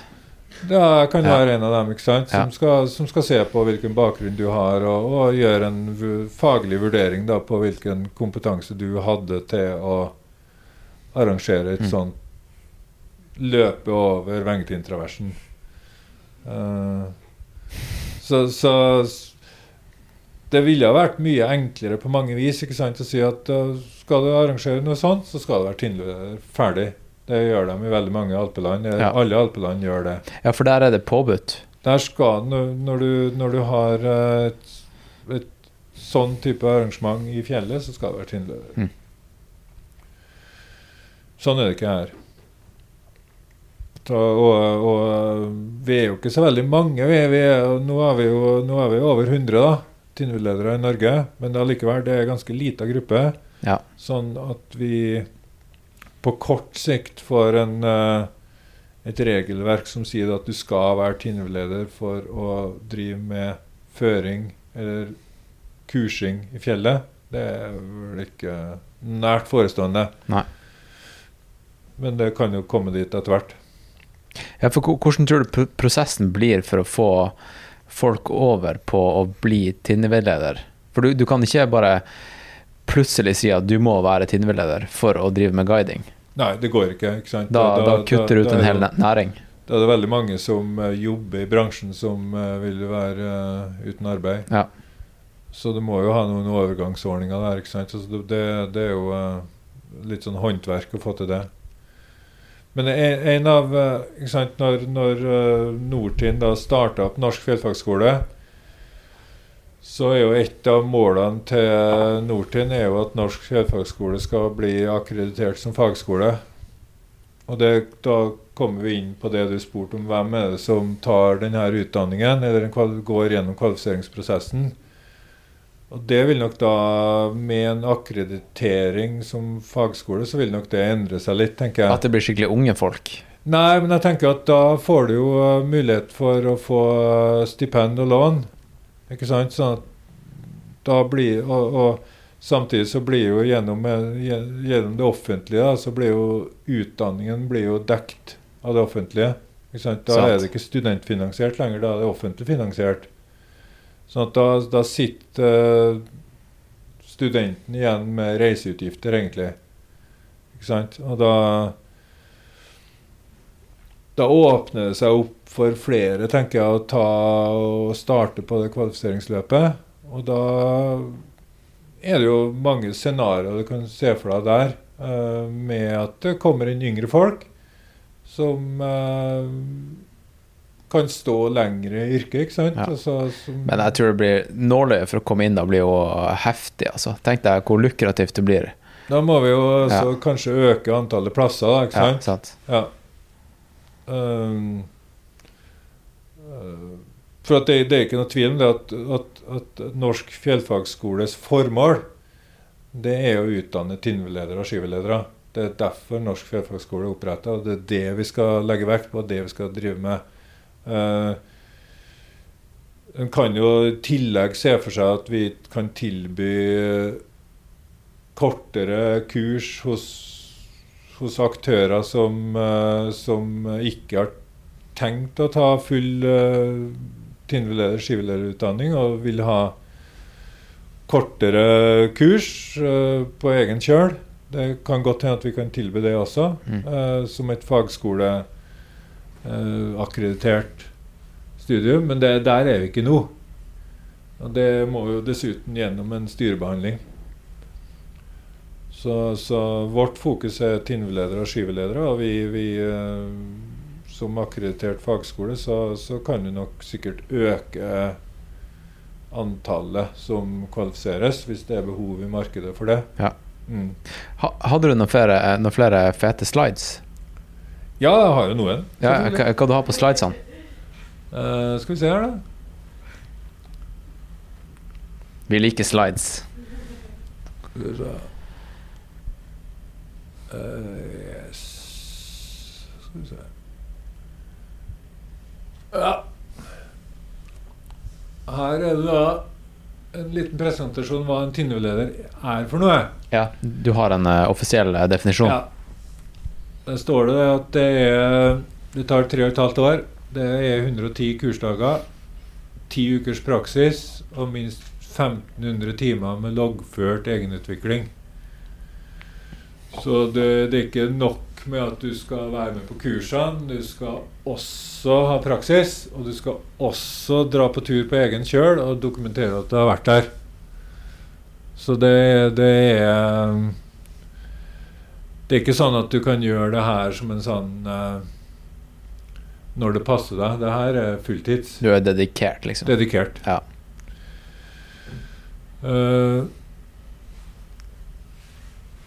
og en uh, skiveleder er jo, det er jo litt kortere løp i og med at klatredelen er tatt ut, da, men det, det skal ikke undervurdere den kvalifiseringen der heller. Altså det er, det er jo sånn at at du må være dedikert der også, men det knytter seg først og fremst opp mot vinteraktivitet. da. Um, ja. Og så har jeg også en slide på Norsk fjellfagskoles formål, som jeg var litt inne på i sted. Vi skal jo først og fremst forvalte tinneleder- og skivelederkvalifiseringen i Norge i henhold til retningslinjene i FMGA og fra Nortid. Og vi arbeider for økt kvalitet og sikkerhet på guidetjenester som tilbys i norske fjell. Og vi arbeider for å øke tilgjengeligheten på tinneleder- og skivelederkvalifiseringen, slik at dem som er kvalifisert og motivert, får muligheten. Og Da kommer vi inn på det her med at vi, vi, vi jobber jo for å bli en akkreditert fagskole og gjør den muligheten lettere. Mm. En annen ting som jeg også har lyst til å nevne, da, det er jo at vi Litt sånn Rauma-reklame. Det liker vi. Ja, det liker vi. Og det, det, er jo det at vi har eh, en videregående skole som har en linje som heter Brattlinja. Bratt friluftsliv. Og i forbindelse da med den her fagskolesøknaden som vi, eh, vi laga nå i fjor, det er NOKUT da som godkjenner denne her søknaden, behandler dem, godkjenner dem. Uh, har hatt litt sånn kapasitetsproblemer, sånn at vi, det har tatt et år, da, for nå driver vi og ser på den. Uh, I denne fagplanen så har vi beskrevet hvilken kompetanse da, som kreves for å bli tatt opp på, på, tatt opp på kvalifiseringen. Og da snakker vi om uh, realkompetanse og formalkompetanse. Realkompetanse det er du har samla sammen sjøl med å være på tur i, i fjellet. Formalkompetansen er utdanning. Uh, og, har, og, og, det er veldig positivt da, hvis vi klarer å vise til en, videregående skole, en utdanning fra videregående skole som gir formalkompetanse. Så det vi sier, er at, at uh, dem som har gått gjennom løpet på Rauma videregående, på bratt friluftsliv, de har formalkompetanse til å søke om opptak. Uh, det er ikke sikkert de har rukket i sitt unge liv å samle nok erfaring for å komme gjennom opptaket, men de har mulighet til å søke. Mm. Så Sånn knytter vi utdanningene sammen. ikke sant? Og det, det er musikk for, uh, for dem som driver med utdanning i Norge, at, at, ut, at utdanningsløpene henger sammen. Ja, og den linja der er jo bare tidenes linje. Ja, jeg tror de har det fint. Ja. Og jeg vet de har det fint, for jeg jobber som lærer der i tillegg Ja. til å jobbe her. Så, så det, er, det er bra opplegg. Det tør jeg påstå. De har det ja, Tenk seg, tenk seg til hvis jeg hadde en mulighet da jeg var 16 år og søke på noe sånt. Det, da var det gymnaset. Ja, ja. ja. Ferdig arbeid. Hva. Hva du sa det er nesten det bara jenter då. Det er bare jenter som går der? Ja. Nå er siste, første, første De som går nå eh, på førsteklassen, de er jenter, ja. Men jeg håper jo at det kommer gutter neste Hvorfor år. er det sånn, egentlig? Ja, det tror jeg er ganske tilfeldig. Det, du vet jo De snakker jo, jo sammen kanskje på ungdomsskolen og, og ja, blir enige om å søke der. Og, Er, er de tilreisende, eller er det to av dem er det. Ja. Mm. Så jeg håper jo at det kommer At det blir mer balanse i kullet neste år. Eh, Det håper jeg virkelig. Det, det er ikke det at jeg har noe imot jenter, det er kjempegruppe. Eh, flinke, motiverte ungdommer. Men en, en miks av jenter og gutter er kanskje det, det beste. Mm. Men det er jo interessant, da. Kanskje Tinnu-lederne i framtida, skivelederne i framtida, stort sett er jenter. Det er, hvorfor ikke? Ja, det är fint att se vad Ja, ja. ja. Så Så det var Rauma-reklamen. Altså det, Rauma er det eneste stedet i landet der du kan uh, gå hele kvalifiseringsløpet fra videregående skole fram til tinnveleder eller Mm. skiveleder. Faktisk. Fett. Begynner vi å bevege oss inn på Q&A-delen? Det kan vel godt hende at vi gjør det. Ja. Ha- Har, har er det noe du vil gjennom eh, før vi gjør det? Eh, ja. Jeg tror kanskje det passer bra eh, Ja. hvis noen har eh, noen spørsmål. Skal vi se, jeg skal ta og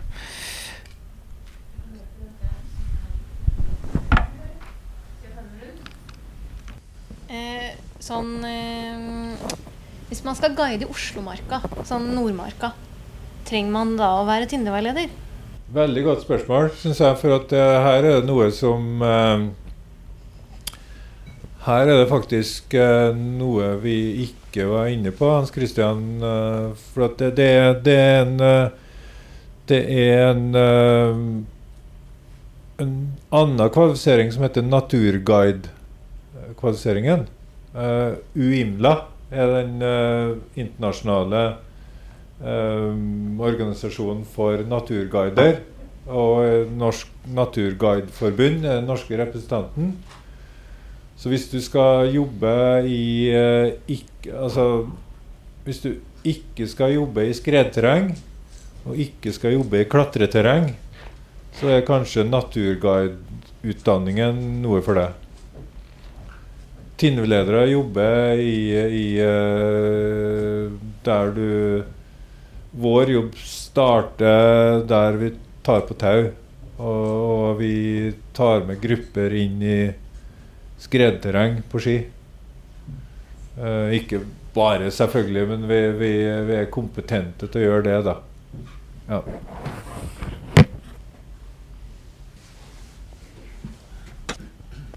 Um, I'm sorry, I don't speak Norwegian, so uh, I I have to switch to English. Um, I understood some parts uh, of your conversation, but uh, just a little bit, I think. Um, so, I my main question is, um, what are what are the requirements for ski to become a ski guide here in Norway?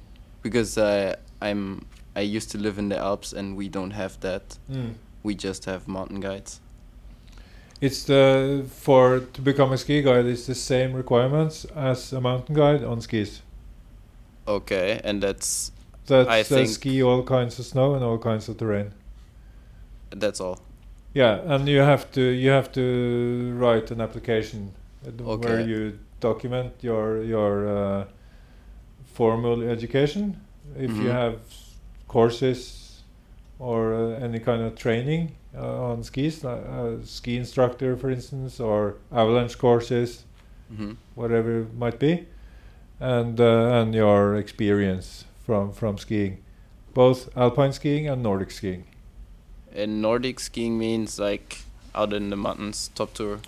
Yeah, Nordic skiing is with uh, free heel skis, and uh, and uh, what we call friluftsliv, uh, Nordic outdoor life.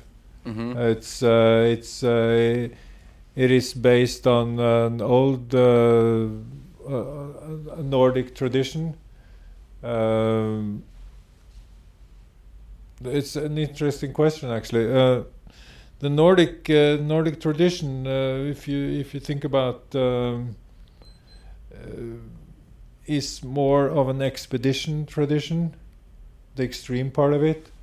Uh, the the one of the courses we have is on Spitsbergen, and Mhm. uh, it's it's uh, Arctic training, Arctic course, and uh, it has to it go and, and uh, this tradition in Norway goes back to the polar explorers, uh, like Nansen, Amundsen, but also you know what we do uh, on a regular basis here in Norway when we take the family out for a hike in uh, in the woods and in the mountains, not in the steep terrain, but stay in the valleys and, and uh, make a campfire maybe sleep in a tent. That's Nordic tradition. Ah, okay. Mm. Ah, that's okay. That's a completely different story. So that's then. a part of the training Okay. with you here, because uh, through the through the EFMJ, we are allowed to have national specialities, Ah, and the Norwegian uh, organization Nortin has the Nordic tradition as a special um extra on our our um, training okay. here. Mm. They don't have that in the Alps. No. They have uh, in France. They have canyoning as a specialty. Okay. Uh, here we have a Nordic, no, the Nordic tradition. Mm. Okay. And uh, do I need to do some special ski tours as a re requirement? Because in uh, for a mountain guide in uh, in Germany, for example, uh, you need to do the Eiger, this special route, for example, or this route or this route. Is it the same here? You don't have to do any specific route, but you have to to document that you have done uh, several uh, trips, uh, mount, uh, alpine skiing and Nordic skiing, and uh, it's good on the resume that if you have uh, have skied, done trekking, you know, sleeping in tents, snow caves, over days for the Nordic part. And with alpine skiing, it's it's uh, be active in in the in the mountains with uh, with skis. Ski uh, different parts of Norway. Ski different types of mountains, different slopes. Have lots of experience, but we don't say you have to do this mountain, that mountain, so and so and so. We don't say that. And you also don't say steep terrain only or something like that. Say again. uh, that you say you need to ski like 10 routes in very steep terrain for example No. or 20 or whatever okay name the routes you have. So what what I say is that if you want to apply for the training, you should. And if you don't get in this time, you might get in next time. And uh, and uh, I will explain to you why you didn't get in this time. What what is lacking in your application, what you need to work on. mm-hmm. We give an answer, that type of answer to everybody. okay It's a lot of work, but I think it's worth it. okay Ja. thanks a lot Mm. Shire, er, eh, er du fornøyd med hvordan eh, du driver skolen nå? Eller har du någonting som du tänker att du verkligen vill liksom förändra och göra bättre nu? Eller känner du att det, så skolan är nu, eh, är du fornøyd med? Jeg er aldri fornøyd, vet du. Så vi, vi Altså, det er jo en sakte utvikling av uh, tinneleder- og skivelederkvalifiseringa som foregår. Altså, vi, vi diskuterer jo hvordan vi kan gjøre det her bedre. Ikke bare innholdet på kursene, men hvordan kursene settes sammen.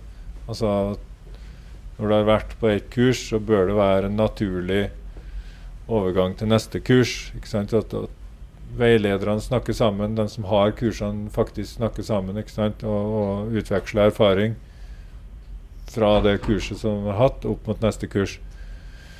Men vi er ganske fornøyd med, med måten vi har bygd opp på over mange år. Og, og vi tror at det er en veldig god kvalifisering. Eh, så jeg har ikke noen planer om å gjøre noe sånn store endringer på, på det. Men vi er jo en del av Altså skikulturen, klatrekulturen, alt endrer seg jo, ikke sant? Så vi må jo på en måte utvikle etter hvert som ting Og hvilken riktning er det nå, hvis du ser på hvor skolen er, liksom, hvor, hvor resten är. Ja, det uh, syns jeg er litt sånn vanskelig å svare på.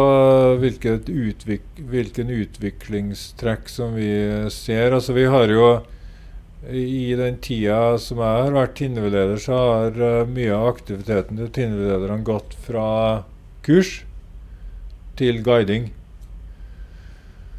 Altså for, det, for, for et par tiår siden så var hovedaktiviteten for veldig mange som jobba i fjellet, faktisk å drive med opplæring.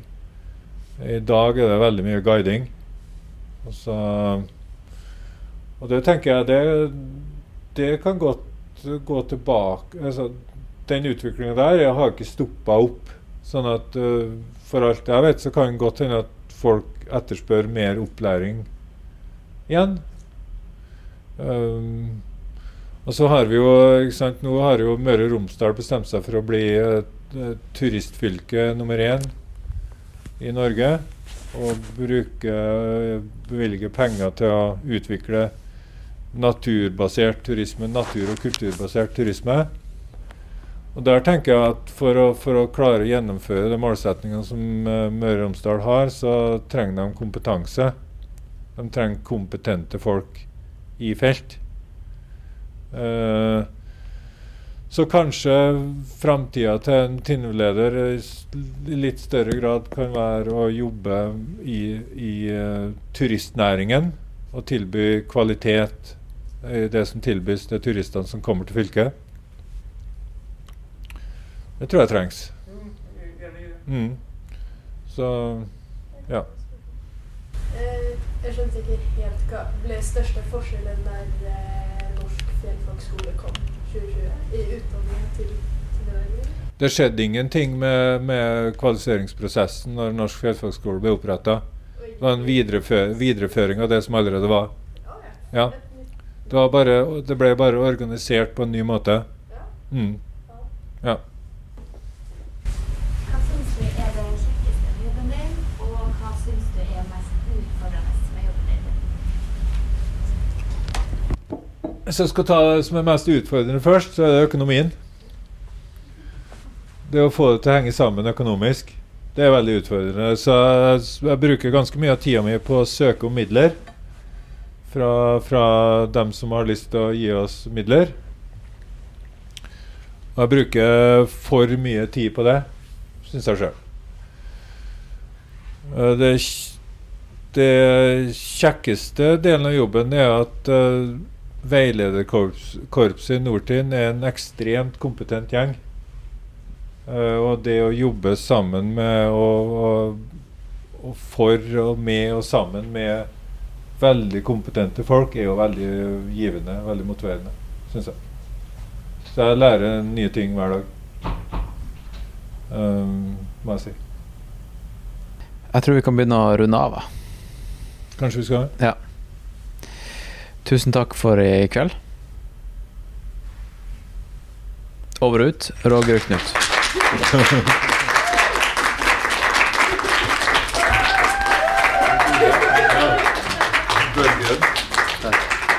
Trivelig at dere kom. Veldig bra, altså. Eh, Ja, det var gjerne fett. Så vi, hadde, vi hadde gjort det uansett, vi. Vi hadde stått her og prata. Men det var utrolig bra å ha folk med i salen.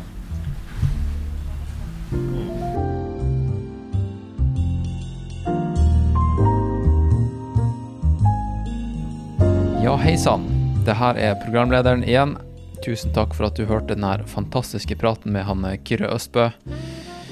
Om du er i området 31. mars, så eh, har du da anledning til å være med på neste Tinnrangling-event her i Åndalsnes. Da er det filmkveld og foredrag med alpinklatreren Christophe Augier som står på plakaten. I sommer gjorde nemlig han Christophe en eh, førstebestigning sammen med et par kompiser i Pakistan på et fjell som heter Pumari Shish East. 6850 meter over havet. De kalte ruta for The Crystal Ship, og det heter også dokumentarfilmen som er laga av turen, i regi av Grivell.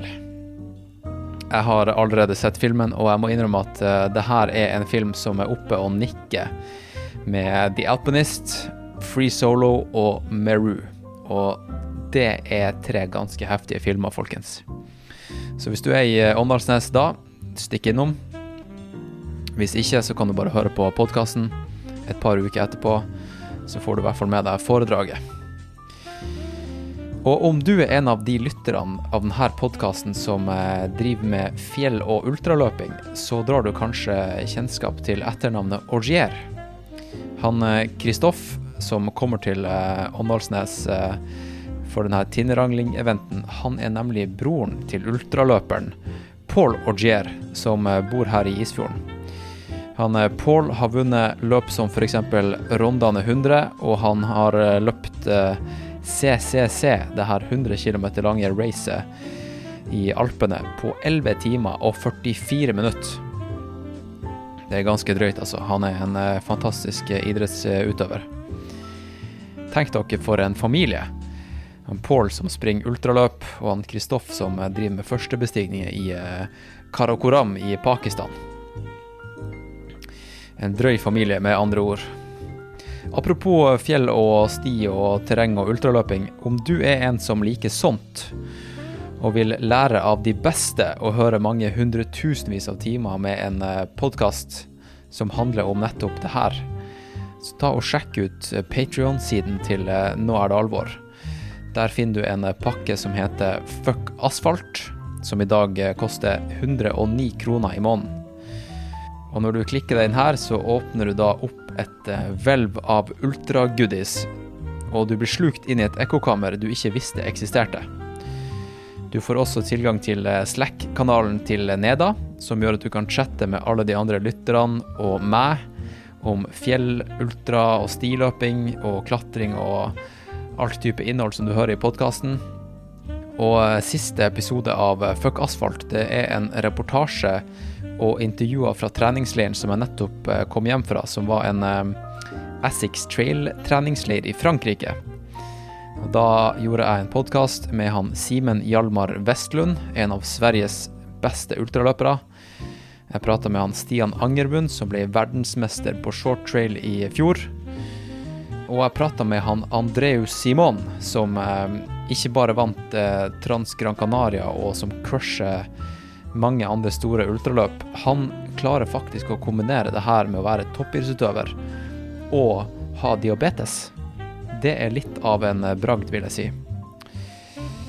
Og episoden før der igjen, det var en prat med Mona Kjelsberg, som, som løp Norge på langs i fjor sommer. På um, litt over 80 dager. På sti. Ikke på asfalt, men på sti, folkens.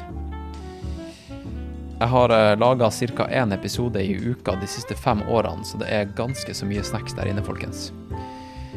Det er nemlig ikke alt som kommer ut på iTunes. Det er faktisk eh, Nå har det for det meste vært eh, litt mer sånn bratt friluftsliv som kommer eh, ut på, på Nå er det alvor-kanalen. Og inne på Patrion så er det litt mer løping og ultraløping og fjelløping og sånt. Så klikk dere inn der. Tusen takk for at dere hørte på denne episoden av Neda. Tusen takk til Urkraft. Tusen takk til Piterak. Tusen takk til Norsk Tinnesenter og han Kyrre Østbø som stilte til, til denne fantastiske praten på Tinnesenteret. Over og ut, Roger og Knut.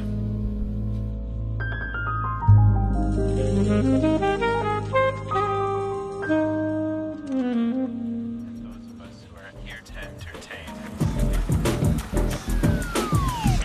to entertain you, bitch.